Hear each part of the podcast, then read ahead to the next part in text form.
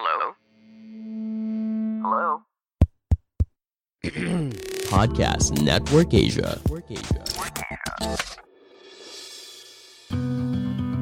Hai, sekarang Stoikes ID sudah didukung oleh Podcast Network Asia.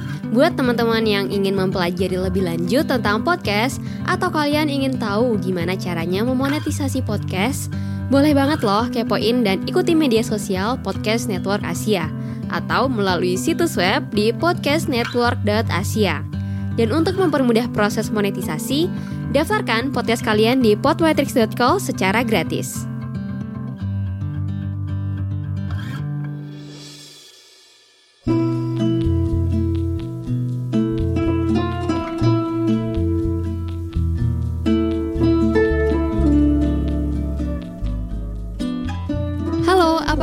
Teman-teman? Berjumpa lagi dengan saya Sita Putri di episode terbaru Stoikas ID.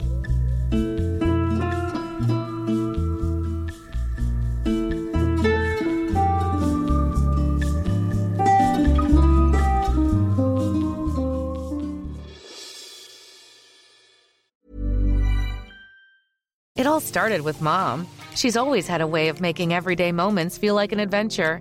So this Mother's Day, Kate Spade New York is here to help you thank mom and all the mother figures in your life. From our newest arrivals, like springy dragonfly adorned handbags and jewelry, to gifts under $100, to the best sellers on mom's most wanted list, there's something for everyone. Maybe you can even treat yourself, too. Shop the Mother's Day gift guide at katespade.com.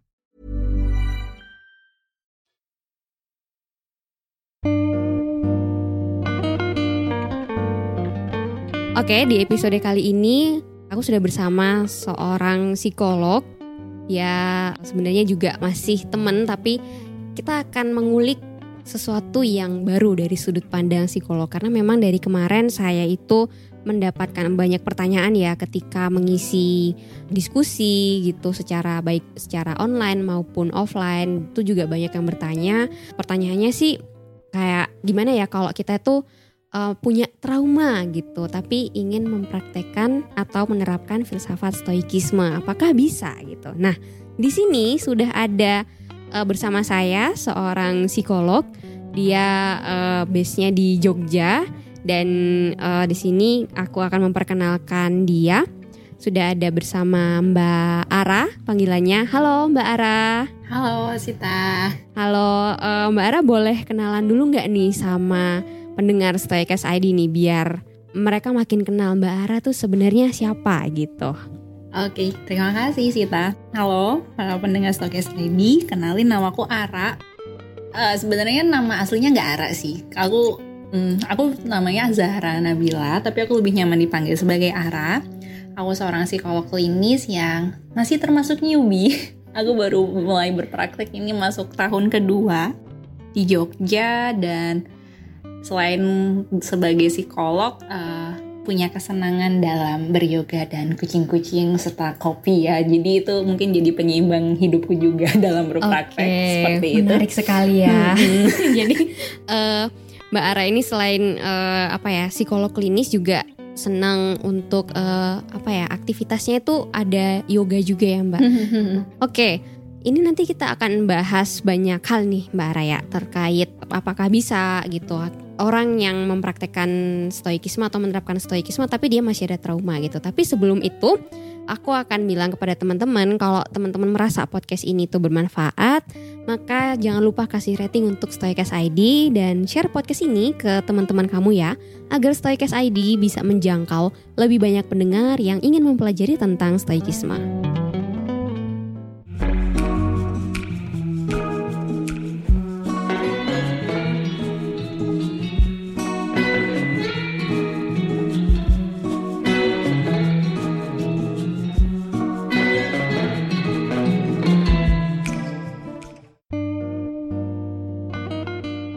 Oke Mbak Ara, jadi mm, pertanyaan pertama nih, yang kita langsung masuk ke topiknya Mhm. pertama nih. Kan kemarin itu uh, banyak banget ya teman-temanku gitu juga yang istilah self healing itu mulai banyak digunakan gitu ya, nggak hanya uh, orang-orang terdekatku juga, tapi orang-orang pada umumnya juga pada menggunakan istilah self healing ini gitu. Tapi yang pengen aku tanyakan adalah sebenarnya menurutku yang aku anak psikologi gitu ya ini tuh udah cukup melenceng gitu. Nah sebenarnya makna dari self healing itu tuh sebenarnya apa sih mbak gitu kan? Karena kalau kita ngelihat orang self healingnya tuh kok jalan-jalan gitu, sedangkan orang yang mungkin dia nggak punya materi yang cukup banyak untuk melakukan hal-hal self healing sampai jalan-jalan ke uh, luar kota atau ke tempat wisata yang butuh banyak mengeluarkan apa ya banyak banyak uang lah kayak gitu. Nah maknanya itu seperti apa sih mbak Ara? Hmm, oke. Okay. Terkait self healing ya, uh, aku disclaimer dulu. Apa pun yang aku katakan ini mengandung dari proses belajarku, Oke. Okay. baik dari sistem pendidikan yang pernah aku lalui yes. maupun dari pengalaman gitu. Hmm. Jadi disclaimernya boleh percaya, boleh enggak ada benar ada salah gitu biar iya, sama-sama yeah, tetap bisa mengkritisi ya. Iya. Yeah. Nah, ketika ditanya terkait self healing itu sebenarnya apa? Prosesku selama baik untuk diriku dan mendampingi proses klien adalah ketika seseorang itu benar-benar bisa pulih dari lukanya. Luka di sini memang ada yang besar, ada yang kecil, ada yang tipis-tipis, tapi pokoknya ada si luka. Nah, makna pulih ini memang jadi miss ketika disembuhkannya tuh dengan jalan atau dengan makan. Karena yeah. sebenarnya lukanya nggak ditengok, tapi dibiarin ada. Okay. tapi dialihkan dengan apa? Kesenangan. Emang seneng sih siapa yang nggak seneng jalan siapa yeah. yang nggak seneng makan gitu ya. Benar-benar. Tapi karena lukanya nggak bener-bener ditengok ya dia tetap ada. Ya ibaratnya kalau teman-teman pernah jatuh gitu ya sesederhana habis jatuh dari motor tapi tahu habis itu mau makan ramen enak. Mm -mm. tapi nggak diobatin si luka merahnya terus makan aja si ramen. Ya makanya dengan perisi merah. Okay. nah self healing tuh sama. Jadi miss itu adalah kita terjebak dengan seakan-akan wah habis ini kan aku senang berarti aku bebas iya, iya. padahal enggak hmm. nah dan yang menjadi challenge itu memang orang merasa lebih nyaman dan aman dengan dibilang aku healing dulu ya dengan happiness yang dianggap yes. happy mm -hmm. karena itu lebih ringan hmm. tapi kalau diajak bener-bener eh lu kamu tuh ada lu kamu udah siap belum proses itu langsung kayak serius ini perlu ditengok bukannya kalau aku seneng dia akan hilang gitu. Nah itu yang jadi missnya di situ gitu. Dan memang perlu keberanian lebih sih untuk benar-benar kita kasih waktu atau sesederhana kita kasih ruang untuk bilang kayak oh iya aku punya luka ini ya gitu. Yes, betul. Kalau dibilang kenapa aku juga di sini lebih nyaman menggunakan kata luka? Somehow kalau dibilang trauma tuh orang kayak langsung kayak oh, berat banget dong oh, gitu. Iya, tapi kalau dibilang sebagai luka tuh kayak semua orang punya luka sesederhana luka gores seperti aku yang suka kucing dicakar kucing itu juga ada luka gitu ya, kan. Iya benar-benar ya, benar banget. Semua orang punya itu gitu tapi tinggal gimana aku mau kasih ruang untuk ku tengok, tengok dulu aja minimal mm -hmm. karena somehow kita tengok aja udah sulit gitu. Persoalan nanti berani untuk diobati lah bahasanya ya. Kalau kita bahasa fisik atau kalau di psikologis kita berkenan untuk kita terapi, kita proses. Yes Oke, okay, itu jadi perjalanan selanjutnya. Yes. Tapi kalau dibilang, tapi boleh nggak sih kalau ada luka jalan? Boleh, boleh, boleh banget. Tapi mm -hmm. somehow yang perlu diingat lagi, habis jalan mau nengok si luka atau terus jalan-jalan aja. Hmm. Nah, ketika ternyata lebih nyaman dengan semu bahagia jalan-jalan aja, siap-siap. Pernah nggak sih ngerasain sakit? Oke, terus besok misalnya dapat duit, wah ke Bali gitu. Mm -hmm. Pulang ke rumah ya sakit lagi Nah, apakah ah, mau terus iya. bertahan dengan repetisi yang seperti itu atau hmm. kayak kita tahu, oke okay, aku ke Bali, habis ini berarti aku punya tenaga untuk tengok si lukaku. Jadi justru manfaatin energi bahagianya dong untuk bisa ketemu si luka. Nah, menurutku akan lebih elegan buat kebaikan diri juga ketika kita bisa menangkap konsep bahagianya tuh sebenarnya seperti apa ya? Booster gitu. Hmm. Kesiapan untuk nengok ada sesuatu yang lebih besar yang perlu aku proses ternyata gitu. Oh, oke okay, oke. Okay. Tapi bukan berarti sebagai bentuk melarikan diri. Oke okay, oke okay, oke. Okay. Hmm. Menarik ini, menarik. aku jadi uh, apa ya uh, mendapatkan insight baru gitu.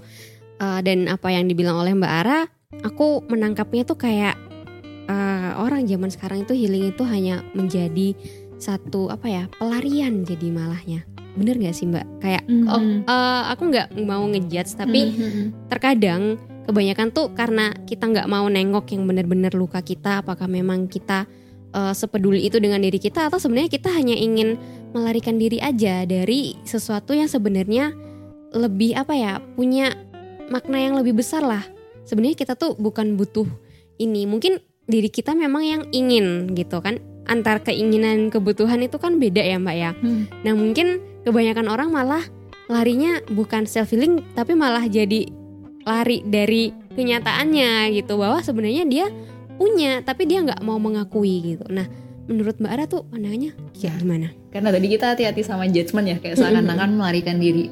Aku akan bilang mungkin ada yang sadar dan, dan melarikan diri, Mm-mm. dan mungkin ada yang nggak sadar. oke Nah, somehow ketika aku melihat beberapa teman yang berproses tuh ada yang memang sudah memiliki tingkat kesadaran tapi masih merasa eh, paham nggak sih? Kadang kita terjebak dengan keyakinan diri bahwa enggak nggak apa-apa masih bisa.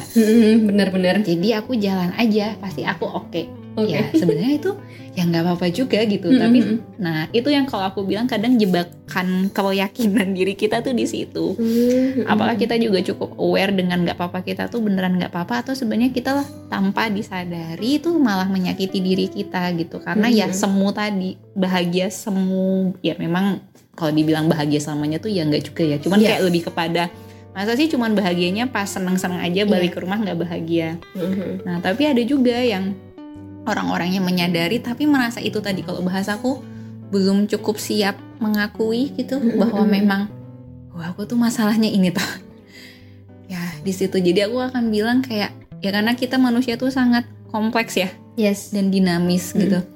Jadi ya kalau dibilang bener apa salah aku lebih kepada aku sering ngomongnya kayak udah pernah balikin ke nuranimu belum? Sebenarnya tuh kamu butuh apa? gitu. Somehow itu kan kayak proses instan ya menurutku. Ya kita punya daya punya uang tapi instan kan. Besok makan apa misalnya? Atau yang suka karaoke? Iya besok karaoke bahagia misalnya gitu. Itu Yes, kan yes. proses instan yang seakan-akan ringan gitu. Mm. tapi ketika benar-benar menyadari bahwa ada proses yang gak instan nah itu kayak defense apa sih pertahanan yang selama ini kita punya tuh mulai langsung terguncang.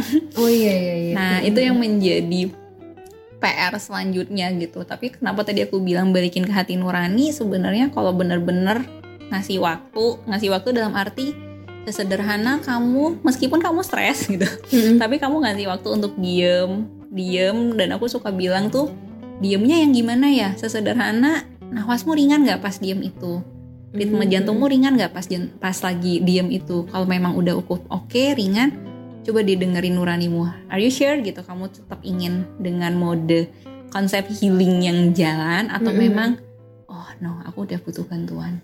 Oh, Nah kadang aku menangkap beberapa orang mungkin juga tidak cukup waktu gitu untuk ngasih waktu ke dalam diri karena merasa waktu dalam diri itu aja kayak nanti malah keinget stres gua gitu mendingan Yes. aku lari gitu tapi Mm. kalau benar-benar berani dan dengerin aku masih meyakini pasti sebenarnya kita tahu kok jawabannya kita tuh butuh apa cuman ya betul persoalan siap menerima atau membuka itu atau enggak Mm-mm. di situ Oke, wah ini dalam banget ya nih pembahasan kita di episode kali ini. Tapi eh, aku cukup seneng ya kita dapat perspektif sudut pandang gitu dari Mbak Ara yang seorang psikolog. Jadi lebih tahu nih, nah teman-teman yang denger ini eh, semoga aja nggak menggunakan apa ya istilah self healing ini kayak jalan-jalan. Mungkin ada istilah lain kayak refreshing gitu. Karena aku masih suka kan Mbak pakai istilah refreshing gitu atau enggak sekedar me time gitu atau self reward gitu kan itu kan juga salah satu bentuk apa ya kayak eh, kita merefresh diri atau atau kita kayak nonton sekedar nonton itu kan sebenarnya bukan healing tapi kita ya itu self reward kayak gitu karena kan kita nggak tiap hari misal ke bioskop kita nggak tiap hari makan makanan yang di resto eh, fancy yang enak kayak gitu. Nah kita akan nyambung dikit ke ini nih. Apakah sebenarnya memang eh, bentuk self healing itu mbak kayak yang dilakukan oleh orang-orang tadi gitu? Apakah memang harus jalan-jalan gitu? Apakah eh, self healing itu bisa sesederhana kayak kita itu goleran rebahan kayak ya orang-orang kan banyak ya yang melakukan hal itu selama pandemi kemarin gitu tapi sebenarnya apakah memang bisa sesederhana itu bentuk untuk self healing Mhm. Kalau dibilang bisa sesederhana itu aku akan bilang bisa. oke Karena menurutku sebenarnya kita suka lupa bahwa kita tuh punya sumber daya yang cukup kaya di dekat kita gitu. Mhm. Tapi kita nggak tengok, tapi kita terbuai dengan ya nggak bohong lah ya medsos segala macam tuh kayak tren. Wah berarti tanda tanda senang tanda itu tuh ke sana iya gitu. harus pergi ke suatu tempat begitu mhm, ya mhm. pergi suatu tempat atau kayak ada tren sebuah makanan enak berarti kudu mencoba nih supaya bisa sama gitu iya padahal enggak gitu Mhm.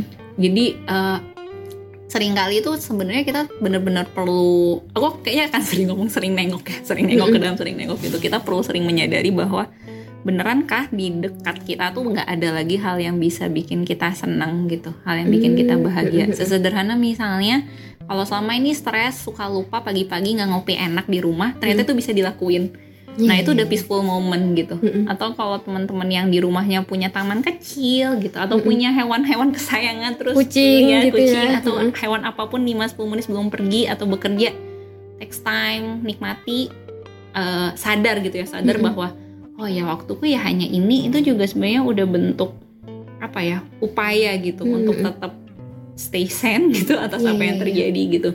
Tapi memang ketika kita bahas self healing, aku ingin mengajak untuk benar-benar menyadari sebelum kita bahas ke self healing, Mm-mm. kita memang perlu menyadari juga benerankah ini bisa cukup diupayakan hanya self healing atau healing dengan orang lain. ah oke Ya, paham, karena paham. Self healing tuh kan sebenarnya lebih bahas ke diri ya, yes tapi memang nggak apa-apa karena sebenarnya kita kan punya daya, Mm-mm. kita punya kemampuan untuk benar-benar kayak misalnya punya masalah A gitu, punya luka A, terus kita coba lihat eh, apa sih yang bisa aku upa- upayakan gitu untuk mengolah si A gitu misalnya, yes entah secara eh, aku suka baginya gini, entah secara sisi aktivitas gitu. Mm-mm. Terus sisi visual yang kita lihat, terus Mm-mm. sisi pendengaran atau sisi pengecap rasa. Kayak indera tuh bisa loh kita mainin untuk proses healing kita. oke Karena kita nengoknya kan ke dalam daya diri ya gitu. Nah, kalau ternyata yang semua diupayakan itu tidak membuat lukanya benar-benar pulih, ya itu udah boleh banget kita bilang, oh ternyata udah nggak nggak self healing lagi nih namanya. Tapi memang perlu orang lain gitu. Tapi kan sering kali kalau tadi Sita bilang di awal terkait nanti biaya gimana gini gini gini. Nah, makanya di situ aku ingin bilang bahwa it's okay kita punya punya daya punya ini. Nanti persoalan ternyata butuh yang lain kan somehow kita suka tergerus dengan hmm, nanti mahal nggak ya? Nanti Iya, berarti iya, perlu ketemu betul. orang nggak ya ini gini gini ya. Oke itu dikit dulu tapi maksimalkanlah yang benar-benar kamu punya di dekatmu gitu. Kalau benar-benar nggak ada, ya berarti itu udah warning lebih lagi dong. iya Kalau iya benar-benar iya nggak ada, berarti beneran lu ayo perlu perlu pandangan yang lebih luas gitu. Mm-mm. Dan dan aku akhir-akhir ini suka pakai bahasanya tuh kayak kamu feeding ngasih makan ke mind, ke pikiranmu, ke tubuh, ke body gitu. Atau mungkin kalau tingkat yang lebih luas ke spiritualmu tuh apa sih gitu. Nah itu juga sebenarnya udah bisa jadi renungan apakah kita sudah cukup berdaya gitu untuk melakukan self healing versi kita sendiri dengan apa yang ada di dekat kita gitu. oke Jadi kayak ya mainin indera terdekat, pisah lagi dari asupan makan, asupan ucapan, asupan dilihat, asupan dengar gitu atau yang lebih dalam orang-orang yang spiritualnya terisi gitu. yes. Ya itu kan sebenarnya udah kekuatan dalam dulu kan. Tapi kalau ternyata udah nyobain itu semua, ih lukanya kok masih ya. Atau tinggal sedikit tapi nggak mau pergi-pergi. Kok susah ya Ah, ini? ah, ah. oh ya sudah berarti keluarlah gitu. Keluar dalam arti nggak apa-apa ketemulah profesional segala macam dengan mendiskusikannya berarti sudah pada tahap aku bayanginnya tuh ntar kalau saya sih tuh "Loh, mbak aku udah nyobain ini gini gini gini ternyata masih gini apa ya yang Oke. sebenarnya belum belum cukup uh, mampu untuk dicerna atau Oh, apa oke, karena oke. kan sehebat-hebatnya orang ya memang kalau ditengok ke diri belum tentu bisa clear gitu tetap Hmm. butuh bantuan orang lain tetap apa ya harus objektif gitu ya Mhm, karena kan mhm. mungkin diri sendiri kayak oh ini ya gitu Mhm. kok aku nggak bisa ya mungkin harus butuh bantuan dari yang sisi objektifnya Iya. dulu gitu ya Mbak Iya. Oke Betul. ini menarik banget nih ya wah jadi dapat banyak ide banyak insight gitu dan semoga teman-teman juga mendapatkan hal yang bermanfaat dari diskusi kita kali ini ya Mbak nah eh, ini nyambung Eh, karena tadi Mbak Ara bilang sebenarnya kita self healing bisa menggunakan daya yang ada dalam diri kita. Ini menurutku masuk pada konsep stoikisme yang dikotomi kendali gitu. Nah, pertanyaannya, apakah stoikisme atau dengan kita menerapkan stoikisme itu juga bisa menjadi apa ya, salah satu jembatan gitu untuk kita melakukan self healing hanya dengan ya memanfaatkan apa yang memang ada di sekitar kita sebenarnya. Eh, atau malah sebenarnya kita juga menerapkan stoikisme itu juga salah satu bentuk dari self healing itu sendiri. Nah, dari pandangan Mbak Ara tuh sebenarnya seperti apa? Dari pandanganku aku akan menjawab dua-duanya bisa Oke. tergantung fase hidup si manusia itu sendiri. Kalau ternyata aku soalnya bayanginnya gini, eh, dua manusia sama-sama punya luka A gitu misalnya kita Mhm. sebut. Yang satu udah berupaya mencari tapi belum ketemu stoikisme. nah akhirnya stoikismenya menjadi jalan di tengah dalam Oke. prosesnya. Mhm. Tapi ternyata yang orang kedua, si manusia kedua punya luka eh kenalan stoikismenya di awal. Oke. Oke, berarti itu menjadi pengantar proses dia gitu. Hmm, Jadi men- hmm, karena menurutku kita terlepas dari adanya stoikisme dan perspektif-perspektif lain, kayak manusia tuh kayak entah gitu kapan dibolehin ketemu satu sudut pandang atau satu Mhm. nilai yang itu membawa kalau bahasa wow-nya kan enlightenment gitu Iya, misalnya heeh. proses-prosesnya Jadi gitu. dapat apa ilham, Ilham gitu ya. gitu misalnya. Nah, itu kan prosesnya beda-beda gitu. Yes. Tapi kalau dibilang apakah bisa menjadi sebuah pengantar atau jadi proses feeling sendiri, Hmm, aku akan bilang bisa. Karena oke. nilai-nilai diskoisme sendiri itu sebenarnya udah sangat membumi, Mm-mm. membumi dan sangat sederhana sebenarnya. Somehow Iya, iya. kita terlalu merumitkan proses dan segala macam, padahal dibilang kayak ya sudah ada yang bisa dikendalikan, ada yang enggak. Itu sebenarnya simpel Iya, banget kan. simple.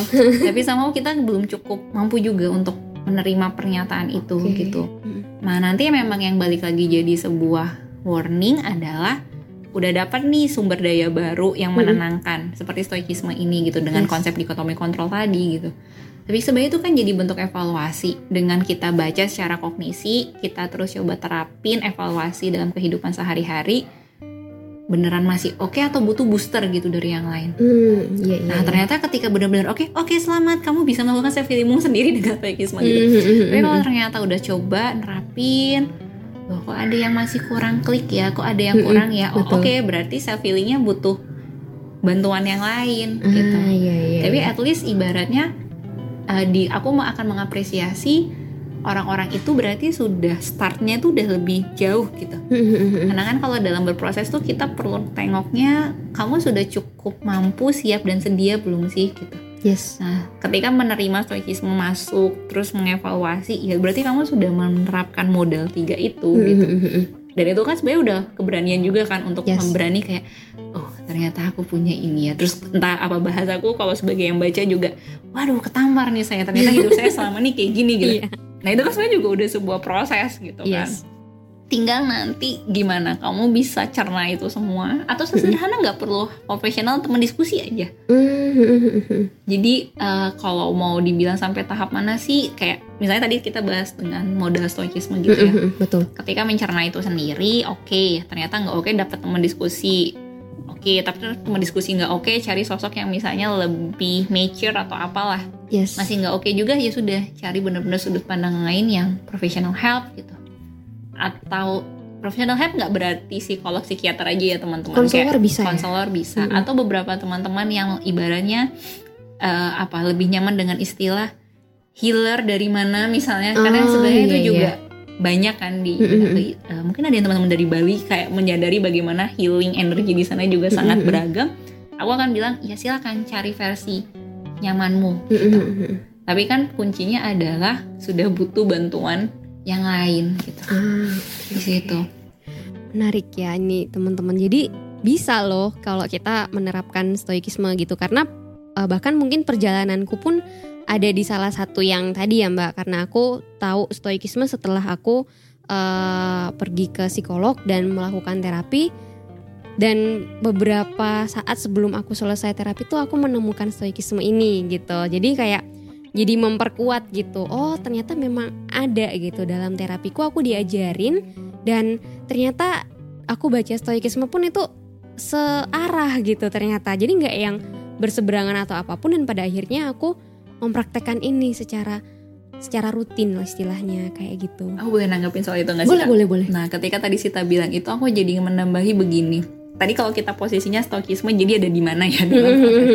Ketika mendengar perjalanan Sita tadi, aku ingin menguatkan bahwa ada beberapa orang yang memang misalnya nemuin stoikisme tuh di akhir, nggak di akhir ya, maksudnya sudah berproses Iya, gitu ya, iya. akan lebih bisa terima. Hmm, Nah, itu aku hmm, ingin menguatkan begitulah ketika orang sudah berproses juga gitu. Mhm. Jadi untuk masuk ke sebuah poin baru itu sifatnya menguatkan. Mhm. Menguatkan dan bahasaku lebih apa? Kalau nerima proses kan perlu diserap, di apa ya dicerna bener-bener Iya, masuk.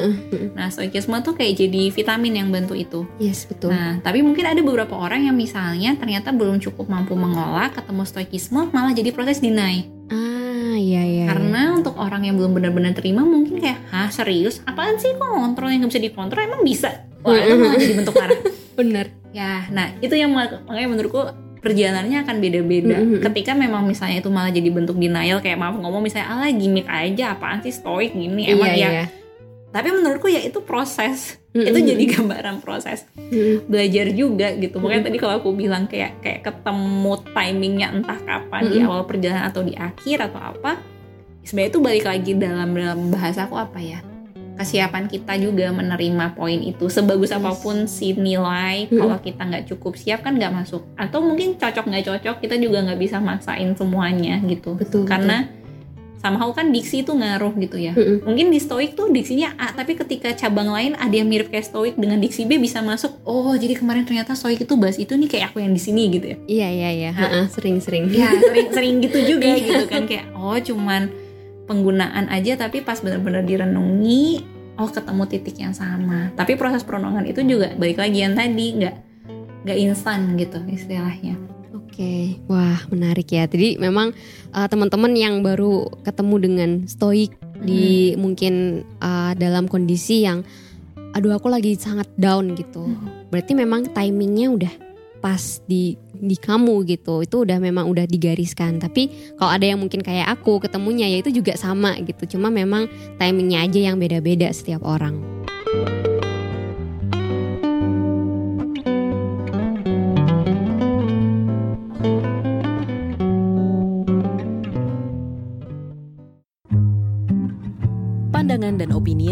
Disampaikan oleh kreator podcast, host, dan tamu tidak mencerminkan kebijakan resmi dan bagian dari podcast Network Asia. Setiap konten yang disampaikan mereka di dalam podcast adalah opini mereka sendiri dan tidak bermaksud untuk merugikan agama, grup etnik, perkumpulan, organisasi, perusahaan, perorangan, atau siapa pun dan apa pun.